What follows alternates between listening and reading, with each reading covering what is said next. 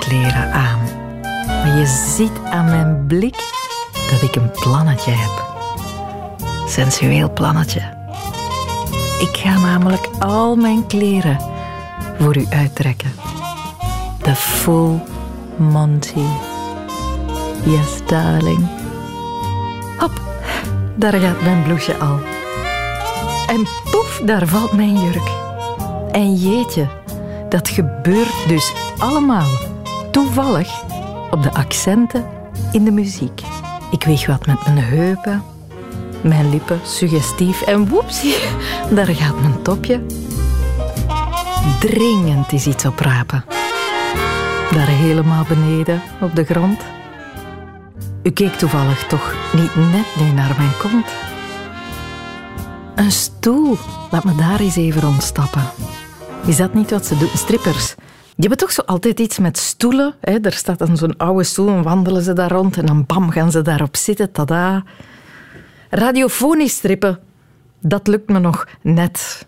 Maar om het echt te gaan doen, om jezelf echt langzaam en verleidelijk voor een publiek te gaan ontkleden, stuk per stuk en aldoende jezelf als seksueel wezen te tonen voor een zaal. Dat is andere koek. Hoe is het om een stripper te zijn? Daarover wil ik het hebben. Welkom in de wereld van Sophie.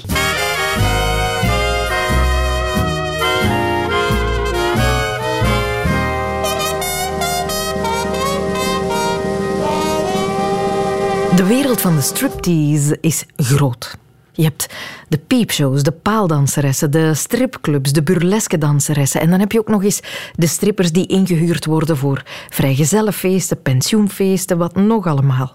We hebben er voor deze podcast twee gesproken. En ik begin graag met stripper Brian uit Aalst. Stript al jaren op feestjes. En hij heeft in al die tijd al wel het een en ander geleerd over het strippersvak. Brecht de Volderen zocht hem op.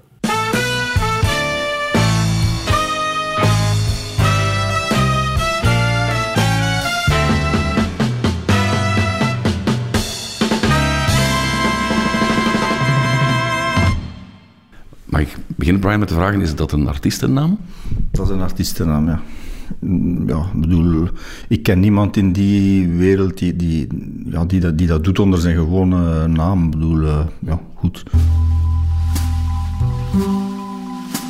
Ik ben eigenlijk nooit, ik ben nooit een danser geweest. Uh, voor mij, en nu, nu, spreek ik over een stripact die je doet voor een, een, een, een publiek, uh, ik zeg maar iets, verjaardag en noem ik pensionering uh, in, in een zaal waar je moet improviseren.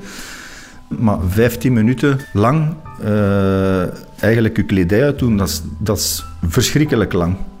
En ik heb al, al te vaak, zie ik bij goede dansers bijvoorbeeld, ze, ze staan dan een kwartier te dansen. En uh, op den duur zijn de mensen zijn ze, zijn ze uitgekeken op dat, op dat dansen. En dat, dat, uh, dat is eigenlijk het verschil met hoe dat ik het aangepakt heb. Ik geef eerlijk toe dat ik, uh, ik heb moeten een, een, een, mijn manier erin zoeken, omdat ik niet bepaald de, de, de beste danser ben van nature uit. Maar dat wil, dat wil daarom belangen niet zeggen dat je, dat je geen stripact kan doen die, die, die goed in elkaar steekt. Belangen niet, dus ja iets, ja, ik kan dat moeilijk uitleggen, maar als stripper bijvoorbeeld, je, je, je gaat nogal macho-achtig, traag, trager bewegen. Uh, terwijl ja, bij dansers gaat het meestal bliksemsnel. En, en, dus dat is, al, dat is al een wezenlijk verschil. Ik heb deze vraag altijd al willen stellen aan een stripper, maar jij vraagt eerst naar de kleedkamer als je aankomt? Ja, dat zijn eigenlijk eens je daar ter plaatse bent en dat ze je ja, ongemerkt binnenlaten ergens. En ja, dan, dan ongeveer ja, een, een half uur heb ik nodig om mij om te kleden en dan, ja, dan uh, go for it. En, en, ja. Toiletten, dat doe ik niet meer. Vroeger, uh, men heeft me dat een paar keer doen doen, vooral in die studentenbuurten. En, dat, dat, wanneer ze daarmee afkomen, dan is het gewoon van nee, sorry, uh, ik, ik begin er niet meer aan. Ik heb dat allemaal gedaan, maar er moet toch, moet toch nog iets zijn. dus ja. Mm -hmm. Je hebt een behoorlijk afgetraind lichaam. Um... Uh, ik ken er toch weinig die, die geen getraind lichaam hebben. En ik weet niet of de mensen dat zouden appreciëren, want tenslotte, ze betalen jou voor iets. En dan verwachten ze toch iets, uh, ja. De muziek start, je komt op en dan natuurlijk, u, het eerste wat je moet doen is, uh, ja, ergens die locatie vliegensvlug in, in ogenschouw nemen en, en, en zien hoe, wat. Uh, want wij werken altijd met iemand die op de stoel zit, die op de stoel zit, de, de, de persoon waarvoor het feestje of, of de verjaardag of, of de vrijgezellen en portois is bedoeld. Dus we hebben altijd iemand op een stoel. En dan, ja, soms zetten ze, de mensen kunnen soms ook die stoel zodanig onmogelijk zetten. À la stripper manier ga je die stoel plaatsen waar je het wil met die vrouw er nog op of niet, dat maakt niet. Dat moet je dan, dat moet je dan zelf bekijken ter plaatse. En dan, uh, en dan, ja, dan begin je eraan. En meestal verloopt dat ja, zonder problemen. Gelukkig, gelukkig. Maar er zijn natuurlijk wel, laten we zeggen, 1% van, van de gevallen waar dat niet verloopt zoals je gepland had. En dan moet je dus wel echt improviseren. Ik bedoel bijvoorbeeld... Uh, de persoon voor wie de, de show bedoeld is, gaat er totaal niet mee akkoord. Dat gebeurt. Ja, dan moet je wel improviseren. Bijvoorbeeld, ja, die loopt weg en die zegt van, dit wil ik helemaal niet. Dat gebeurt, maar je, je ziet dat direct. Uh, dames die dan wel uh, enthousiast langs de, langs de kant staan, dan ga je die bij de arm nemen, zet je die op die stoel. En zelfs soms ik heb al meegemaakt dat dan na één of twee minuten dat de, de persoon voor wie het bedoeld was, dat die dan toch inziet van ja, zo erg zal het ook allemaal niet zijn. En dat ze dan toch uh, zelf vraagt of oké, mag ik dan niet, niet plaats komen nemen terug en zo. En dan, dan heb je het eigenlijk op een, op een zeer uh, op een manier waar niemand veel last van zal hebben, heb je het opgelost. En door te improviseren, maar ja. Je hebt nu al een paar dingen gezegd over de plaats waar jij komt. Hè. Ik hoor feestjes, vrijgezellen, gepensioneerden. Heb je dat goed begrepen? Uh, ja, ik ga, zelfs, ik ga zelfs nog iets straffer zeggen. Um, ik, ben, ik sta niet meer te springen om bijvoorbeeld uh, een, een, show te doen voor, voor jonge mensen. Ik kan me niet van de indruk ontdoen dat die gewoon preutser zijn dan wij vroeger. En, en voor die mensen het doen, als ik het niet hoef te doen, dan, dan doe ik het niet. Uh, maar laat ons zeggen, hoe ouder, hoe beter. ik heb ooit een act moeten doen voor een vrouw van 90. En die, dat, was, dat is een van mijn mooiste ervaringen die, die ik heb. Omdat je dat ook van zo iemand niet verwacht. Je denkt van ja, 90 jaar, die gaat daar ergens, of die gaat dat totaal niet leuk vinden. Ja, niks was minder waar. Dat is, dat zijn, dat is onvergetelijk, zoiets. ja.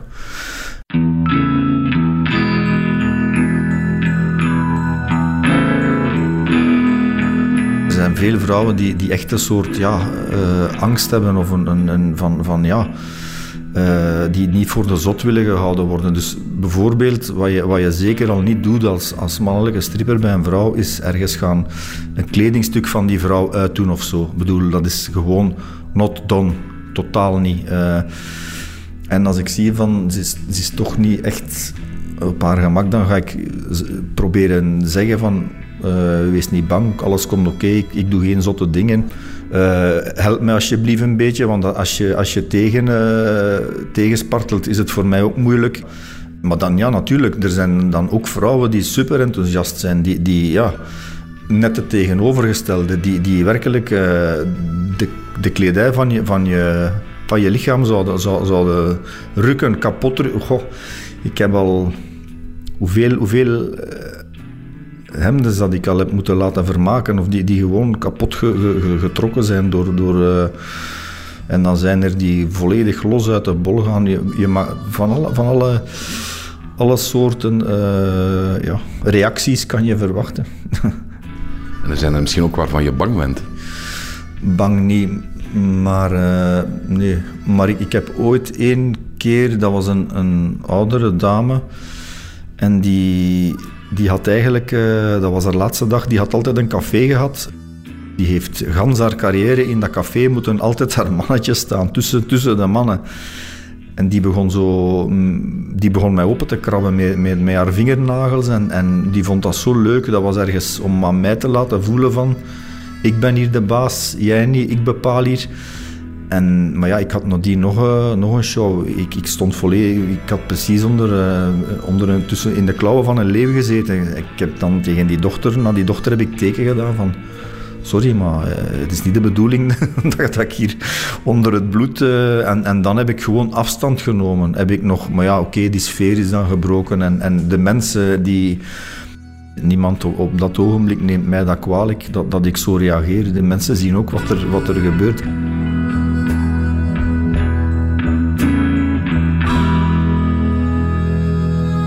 Ja, je, hebt een string, uh, dat is het allerlaatste wat je nog aan hebt.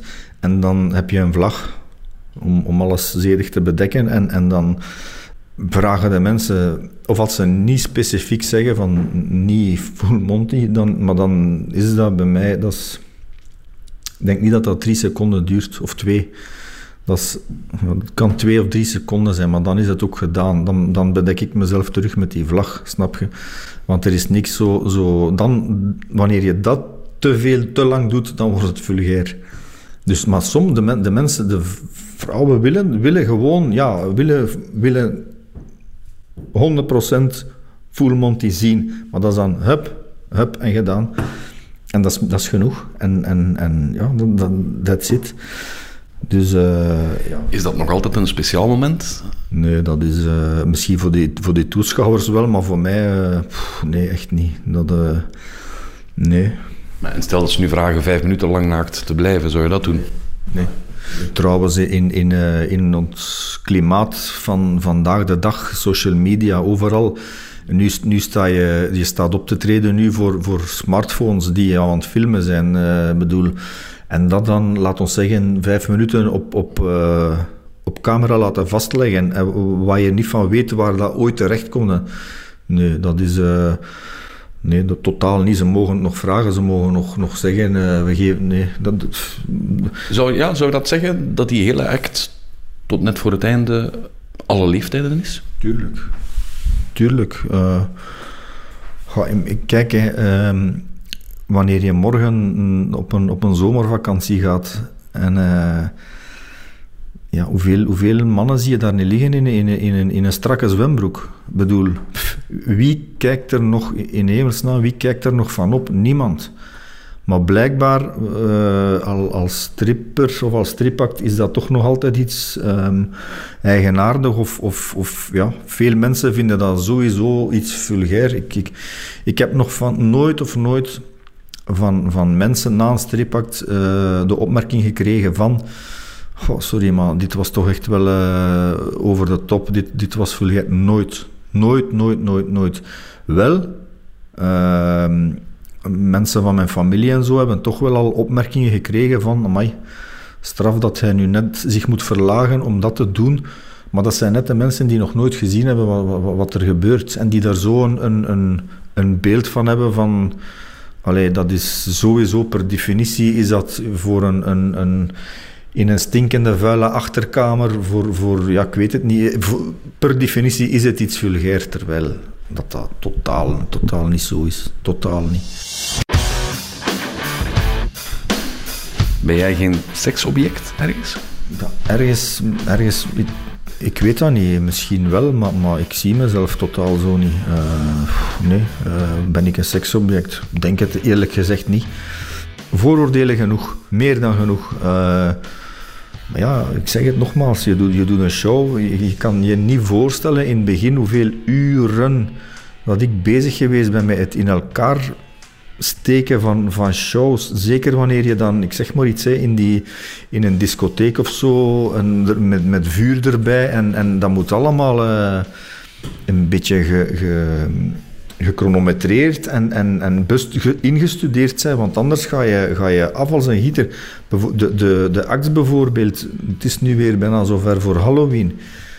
Ik bedoel, dat is zalig om dan bijvoorbeeld met vuur om iets gaan te doen. En dat, dat, dat is dan ook... Uh, daar heb ik toch wel enkele dagen aan bezig gezeten. Om dat allemaal... Uh, hoe, hoe, time ik dat? Hoe kom ik op? Wat, wat, wat dan? Wanneer dat vuur? Wat nadien? dus ja, dan zijn in mijn ogen meer een, een, een ja, een artiest dan, dan een seksobject, vind ik. Allee, ik weet niet. En iedereen krijgt dus gegarandeerd warm van u. ja, vooral ik zelf.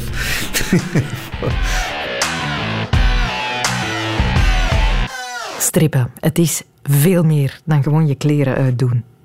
Nu moet ik eerlijk toegeven dat ik zelf niet helemaal mee ben met het gegeven. Ik heb al twee keer op een feestje een stripper mogen aanschouwen en geen enkele keer vond ik dat interessant. Ik zag een man op een van die keren uh, de vlag van Amerika, geen idee waarom het de vlag van Amerika was, tussen zijn benen zo heen en weer russen, terwijl hij dan met zijn kruis zo in de lucht stond te humpen, al kreunend.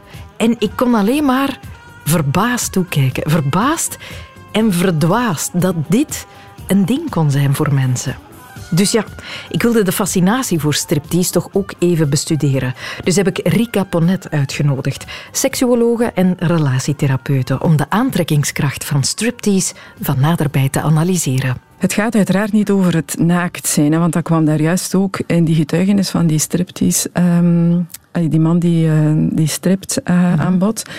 Uh, we zien overal naakt. Inderdaad, op elk strand, zelfs niet eens in zwembroek. We zien overal de full monty naakt. Of we kunnen dat heel makkelijk opzoeken.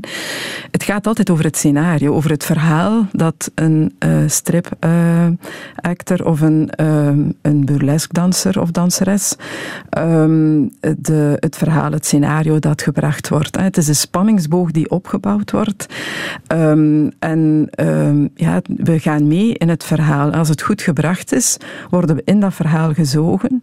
Um, en um, ja, worden we uh, toeschouwer um, van iets dat uh, ja, ergens een ontknoping, een ontploffing, een, um, een, uh, ja, een, een, soort van openbaring tot stand zal brengen. En dat is hetgene wat, wat ons prikkelt. Het verhaal, het scenario, de spanningsboog waarin dat we meegezogen worden, meegetrokken worden. Want we weten dat het daar zal eindigen. Hè, maar het is de weg daar naartoe die zo opwindend is. Ja. ja. Het is een wereld als je je er wat uh, in gaat verdiepen, wat we voor dit programma hebben gedaan. Een zeer vrouwelijke wereld. Hè?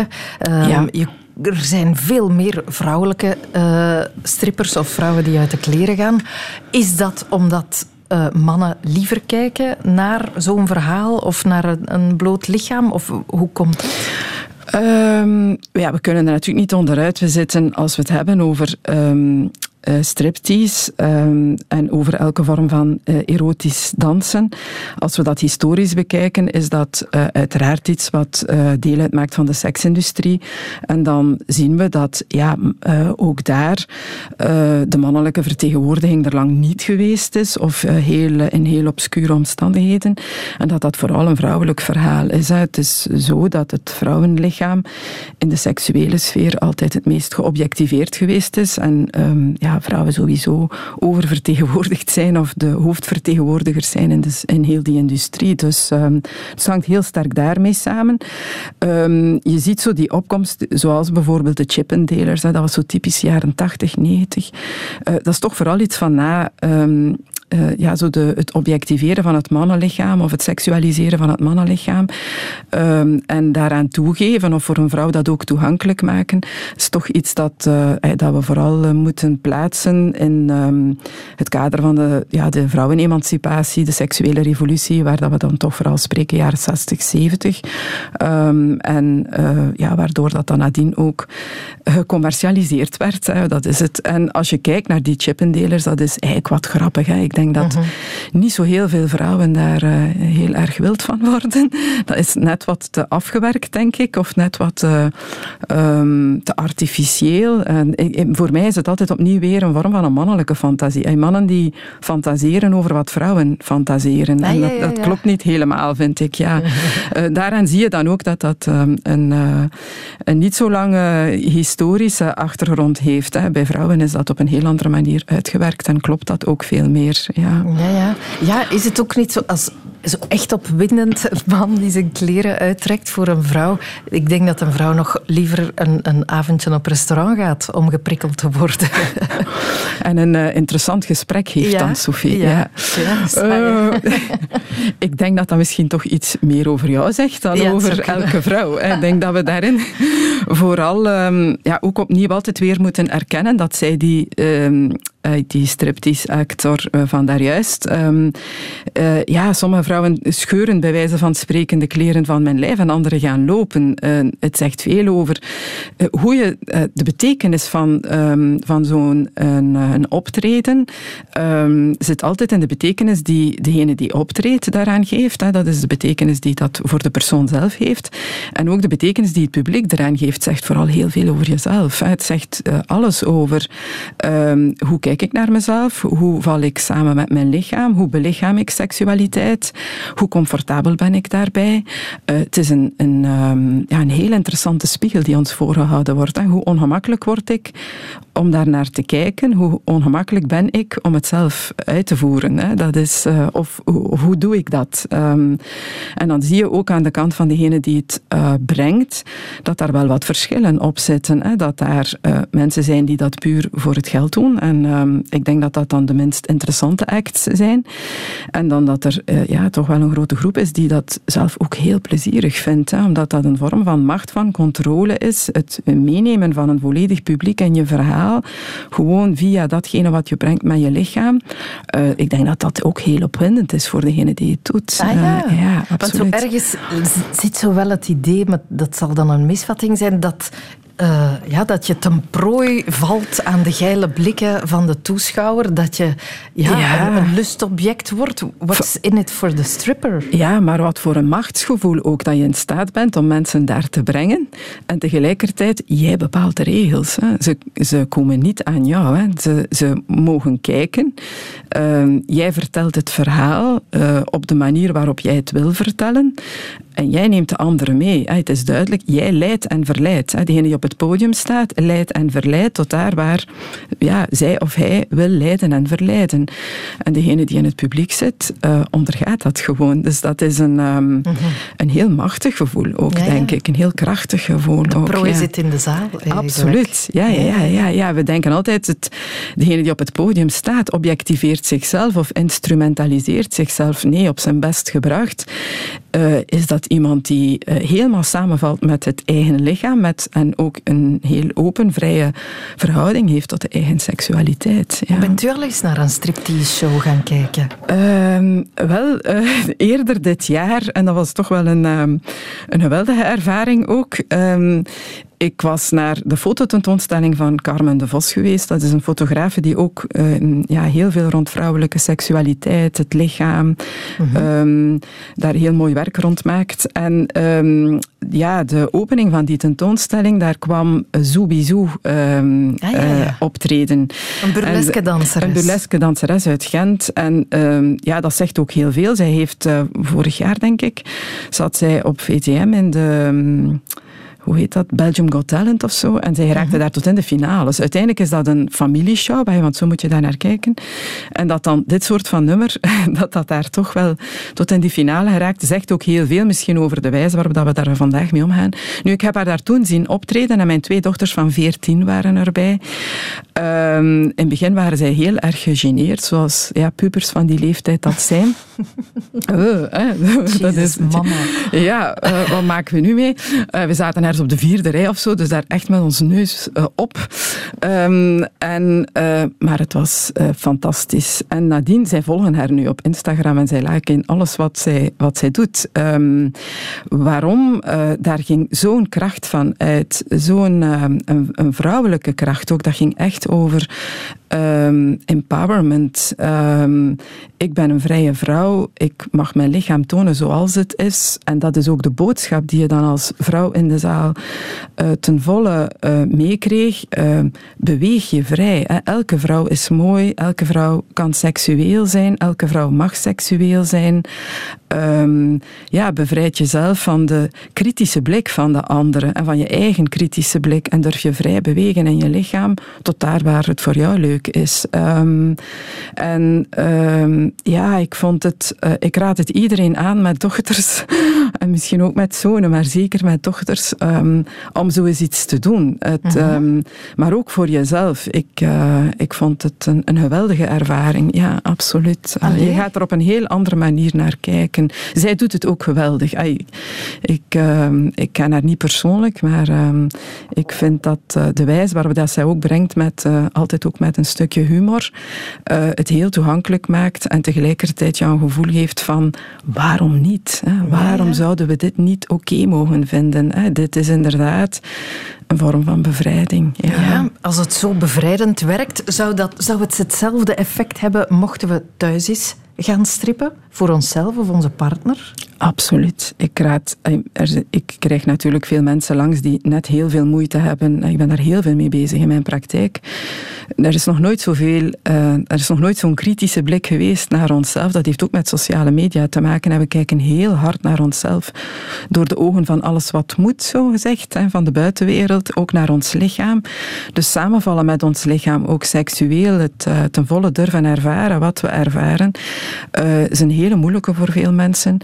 Raad dat ook vaak aan in de praktijk, van ja, omkleed je eens voor de spiegel, raak jezelf eens aan, zonder dat dat daarom een seksuele dimensie moet hebben, maar probeer jezelf aantrekkelijk of mooi te vinden, of voel wat je voelt op het moment dat je naar jezelf kijkt. Uh, dat dan doen met een partner, dat zegt alles over de veiligheid van je relatie. Um, als je je heel oké voelt in je relatie en je durft daarin dan ook die fantasieën uh, spelen en um, ja, dat voor je partner ook doen, uh, ook voor jezelf dat doen, dat is uh, in twee richtingen een vorm van empowerment en toont ook of wijst ook op het feit dat ehm, ja, er in je relatie ruimte is om, ehm, om met dat soort van creativiteit je seksualiteit te beleven. Dus uh, het is iets anders als, als een partner dat eist. Hè. Dat is een heel ander verhaal. Hè. Als je mee moet spelen in een scenario, dan word je inderdaad geobjectiveerd en geïnstrumentaliseerd. Dat is het soort van seksualiteit in een relatie waar vrouwen dan van zeggen, ik heb het gevoel alsof ik de prostituee moet zijn of spelen. Hè. Dan heb je niet het gevoel dat het over jou gaat.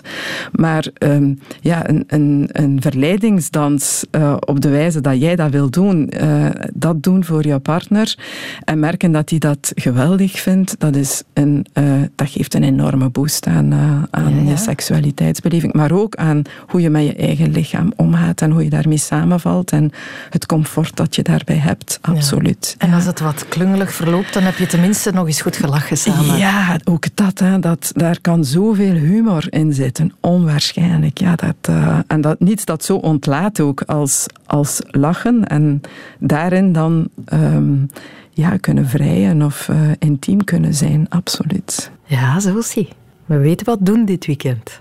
Empowerend is het blijkbaar. Dat vertelt ook Elise van der Plas. Zij is burleske danseres. Ze heeft jarenlang op podia gestaan en leidt nu zelf met haar bedrijf burleske danseressen op. Geeft ook workshops. Maar om te beginnen, wat is burlesque? Burlesque is een sensuele dansstijl met elementen van striptease en ook vaak met een vleugje show en humor. Het woord burlesque zelf komt van het Italiaanse woord burla en dat betekent letterlijk met een grap. Dus er zit ook altijd een vleugje humor, zelfspot in burlesque. Mm. En ja, je vroeg het verschil tussen burlesque en striptease. Uh, nou, ik zei het al, burlesque is ook een striptease dans. Je zou kunnen zeggen dat burlesque uh, onder het thema of binnen het genre striptease dansen valt. Ja. ja. Een iets wat chicere vorm van strippen of is dat, zie ik dat verkeerd? Mensen zien het inderdaad vaak als een wat chicere vorm, omdat de outfits vaak wat chiquer zijn. Ah, ik denk dat het puur eigenlijk daaraan ligt. Um, in striptease zijn er meestal kostuums waarbij je ja, meer in een rollenspel zit. Dus bijvoorbeeld een non of een secretaresse of een zuster. En in burlesque is uh, het eerder een gala jurk, een corset, uh, veel pluimen, pailletten, glitters. Um, dus in die zin een, een ja, chicere outfit zou je ja, kunnen zeggen. Wat glamoureuzer. Ja. Ja, uh, burlesque is dan een vorm van striptease. Zijn er dan nog andere vormen? Nou, binnen burlesque bijvoorbeeld heb je heel veel verschillende genres. Um, dus burlesque is heel breed, van polesque bijvoorbeeld, de combinatie tussen paaldans en burlesque, tot uh, nerdlesque, um, gorelesque. Nerdlesque? ja. Wat is dat? Een nerdlesk is, uh, ja, zoals het woord eigenlijk al, uh, al verklapt, het is een beetje een nerdy vorm van burlesque. Um, dus het zijn vaak uh, dames en mannen die uh, ja, into comics zijn uh, en dat soort dingen. Ah, ja, en okay. Het is niet met weetjes tussendoor of zo. Het is, nee, nee, het is niet dat, ze, dat het publiek wordt gekwist of zo. Nee, okay. Had ook gekund. Ja, dat ja. zou de Radio 1-lesk-versie zijn. zo wat bijleren tussendoor. Ja. Ik denk dat er dan gepraat zou worden tijdens de act. Ja, ja, ja. nerdlesk, gorelesk.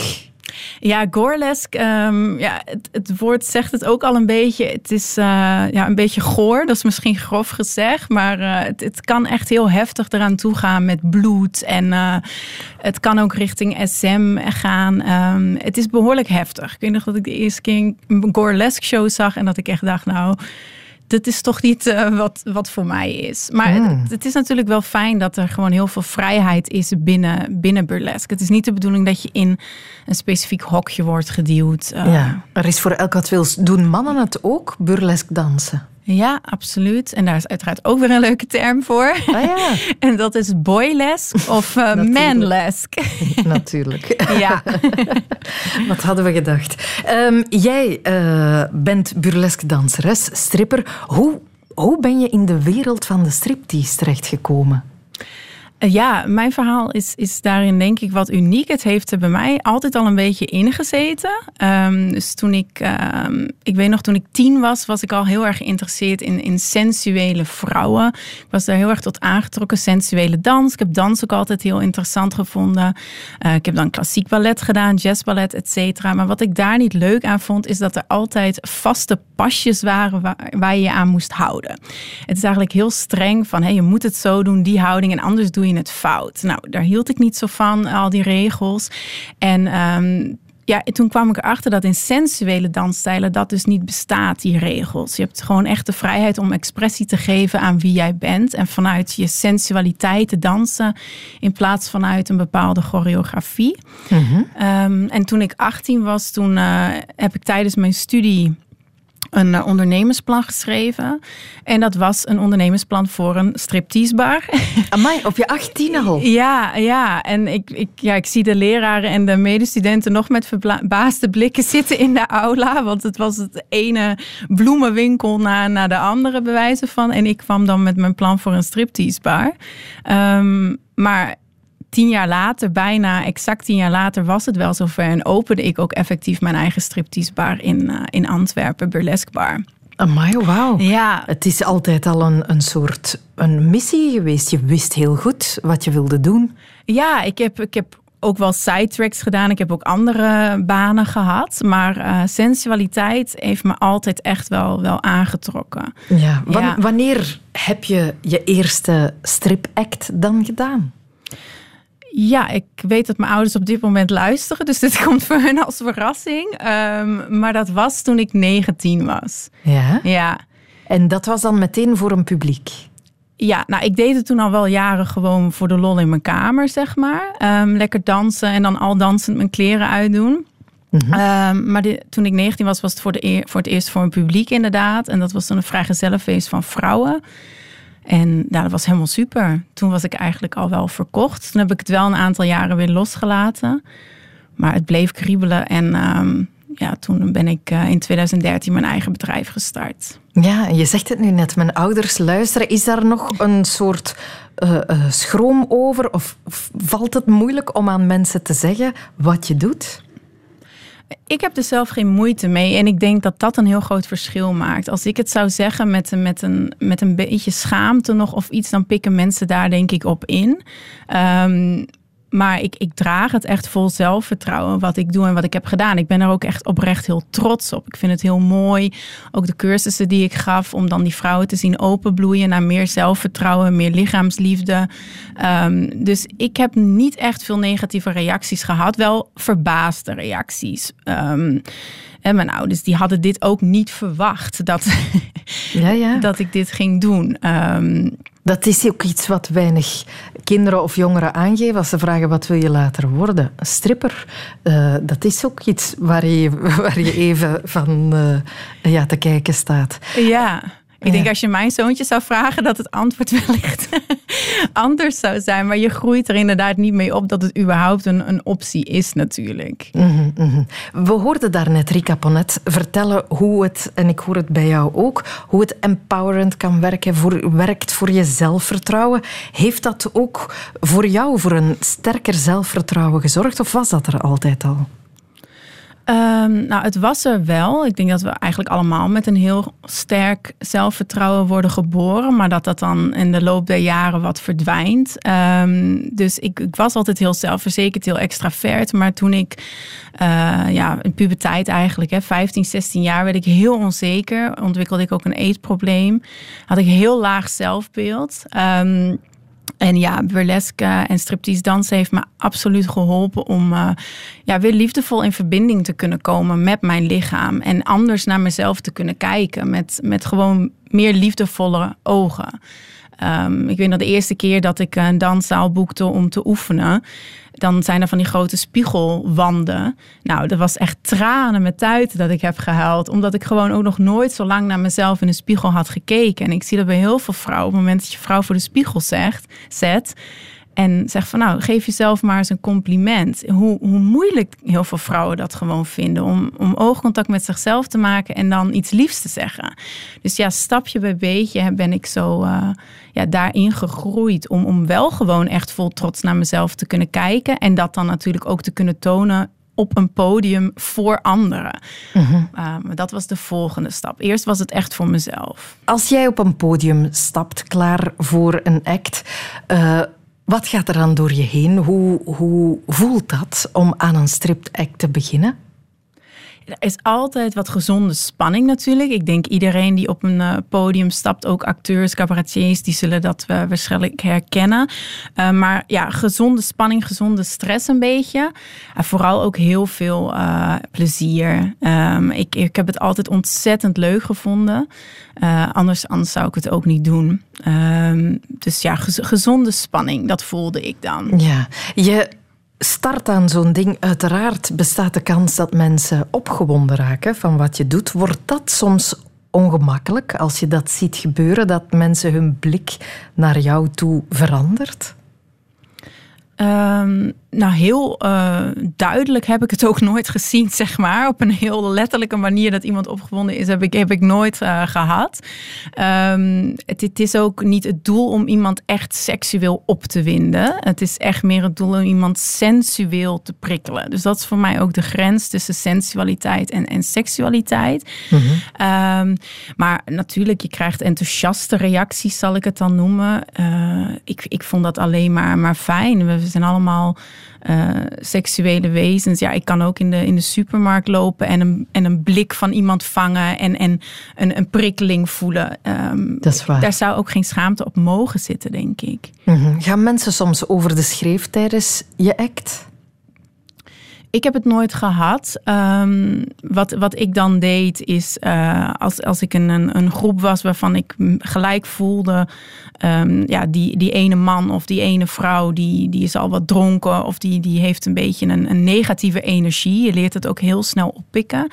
Dan zette ik diegene gelijk uh, voor al de rest heel duidelijk op zijn of haar plaats. Mm -hmm. um, door soms echt letterlijk even met de zweep erover te gaan. en dan, dan, ja, dan was het heel duidelijk van, hey, ik heb hier wel de touwtjes in handen. Je bent vrij om te genieten van mijn act. Je mag gillen, je mag joelen, je mag klappen, je mag alles doen wat je wilt. Alleen maar leuk.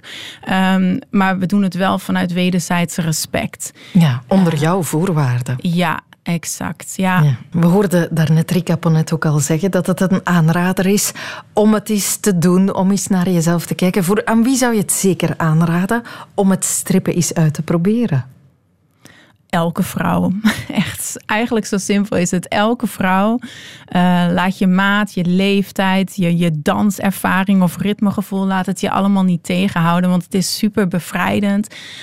Um, dus ik zou het echt elke vrouw aanraden om, om eens te doen. Dat is al de tweede. Die vindt dat we eens uit de kleren moeten gaan. Stel, dat je het zou overwegen, dan kan je natuurlijk altijd voorzichtig beginnen met wat research. Door wat andere strippers te gaan bekijken online of in real life. De Chippendales bijvoorbeeld, de legendarische Chippendales, die toeren nog altijd de wereld rond. Kan je misschien eens naartoe met een notitieboekje. Wat een fenomenen zijn dat.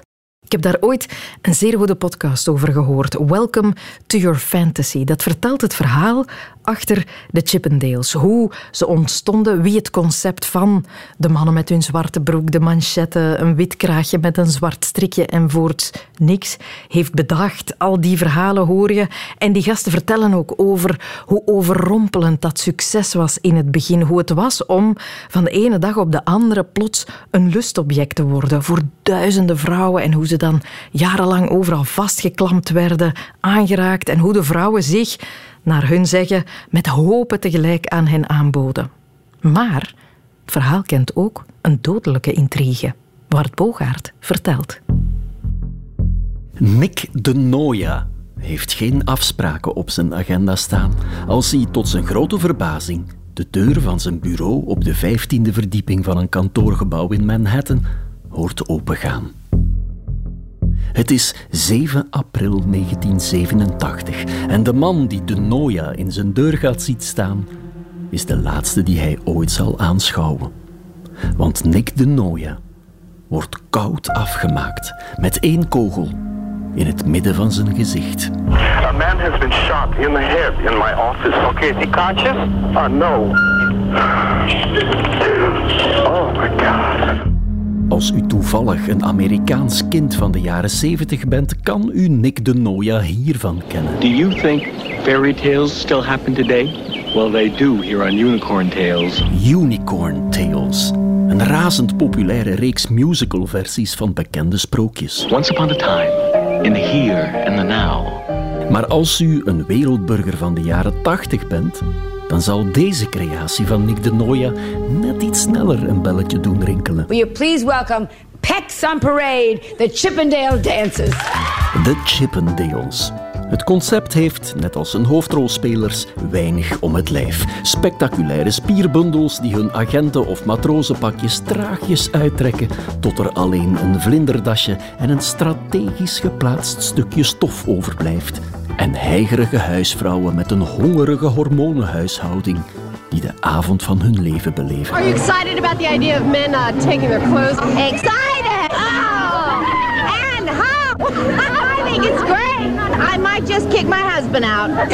De Chippendales komen uit de koker van Steve Banerjee. We just do a thing that the Playboy Club has. We reverse the thing for the women. Banerjee is op zijn twintigste vanuit India naar de VS geëmigreerd en werkt eerst bij Barbie-fabrikant Mattel en later voor een lokaal tankstation. And I knew the disco business was coming on strong in New York.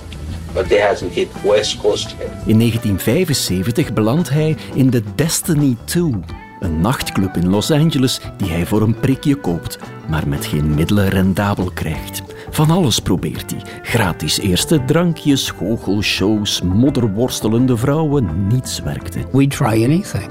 We had dinner theater, we had magic shows, anything to fill the space. The mud wrestling thing, filthy thing. Tot Banerjee, na een bezoek aan een striptent, op het idee komt om mannen te laten strippen. Een zeldzaamheid in die tijd, maar meteen een schot in de roos. What used to be the prime pastime for dirty old men is now attracting hundreds of women. It's the male exotic dancer and the perfect excuse for a night out with the girls. De Destiny 2 heette toen al de Chippendales, naar de chique creaties van de 18e-eeuwse meubelmaker Thomas Chippendale, waar de club vol van stond.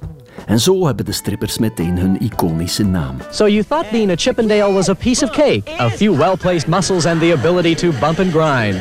Well, it might be that way if it weren't for Nick DeNoia. Emmy-winnaar Nick de Noia moet de Chippendales buiten de muren van de nachtclub krijgen. Hij maakt er een wereldwijd rondreizend revue-theater van, met nieuwe dunne verhaaltjes en al even dunne nieuwe kostuums. I think it's a great place for role reversal. The men are allowed to go wherever they want. Why can't ladies? Een jaar later toert de Noia met drie Chippendales groepen de wereld rond. Maar hij eist zijn deel van de koek. Op een servet schrijft de Noia op een avond dat de opbrengsten van de rondreizende revue naar hem en hem alleen moeten gaan. In perpetuity. In eeuwigheid. En Banerjee, die tekent. Omdat hij naar verluid niet begrijpt wat perpetuity betekent. He gave Denoya the rights to tour Chippendales. Taking Chippendales on the road eventually uh, turned out to be the most lucrative part of the business. Die Nick de Noia dus, de man achter het internationale succes van de Chippendales, wordt in 1987 in koelen bloede vermoord. A man has been shot in the head in my office. De ware toedracht is lang een raadsel. Al was het al veel mensen opgevallen dat het niet meer boterde tussen Banerjee en de Noia. So Nick was killed in 1987, and we all knew it was Banerjee, and nothing was done about it. And and he was just flourishing, and he was making zillions of dollars, and we're all saying, "What the hell?" You know, the Nick's murder hasn't been solved. We all know who did it. We can't figure out why nothing has happened. Tot in 1990 Lynn Bressler, bijgenaamd Strawberry vanwege zijn rode haar, het kantoor van de FBI in New York binnenwandelt. Hij vertelt dat hij van ene Ray Colon, een mislukte zanger met maffiaconnecties, de opdracht heeft gekregen om in Londen de hele crew van Adonis, een concurrerend groepje would-be Chippendales opgericht door ex-Chippendale Reed Scott, te vergiftigen met cyan kali. So I had cyanide to kill those little bastards, you know. So then I said, but I, I tell you what, I have some potassium cyanide. Maybe we can use that. You know, he says, yeah, you know. So we says, yeah, we can inject them with the cyanide. Maar Strawberry krijgt vroeging, nog voor de uitvoering van het plan, en klikt. What I went through, you'll never believe. Clown wordt opgepakt en bekend al snel. In a way I was relieved. It was over. En oh ja, voegt hij eraan toe.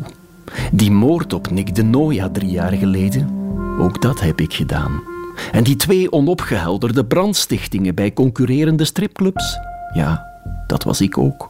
En allemaal in opdracht van één man, Steve Banerjee, de ziekelijk jaloerse, geldbeluste en paranoïde vader van de Chippendales. You know, because I, I think at some point I would have had to kill Steve or he'd have had to kill me. It would have never ended, you know. Kort voor zijn proces ontneemt Steve Banerjee zich van het leven in zijn cel. De Chippendales hebben nooit echt geleden onder hun gruwelijke achtergrond. De meisjes zijn blijven tieren, de pakjes zijn blijven vallen en het strategische stukje stof hangt na al die jaren nog altijd op de juiste plaats. Wart Bogaert over de Chippendales. Dit was de wereld van Sophie over striptease. En nu, lichten aan, kleren uit.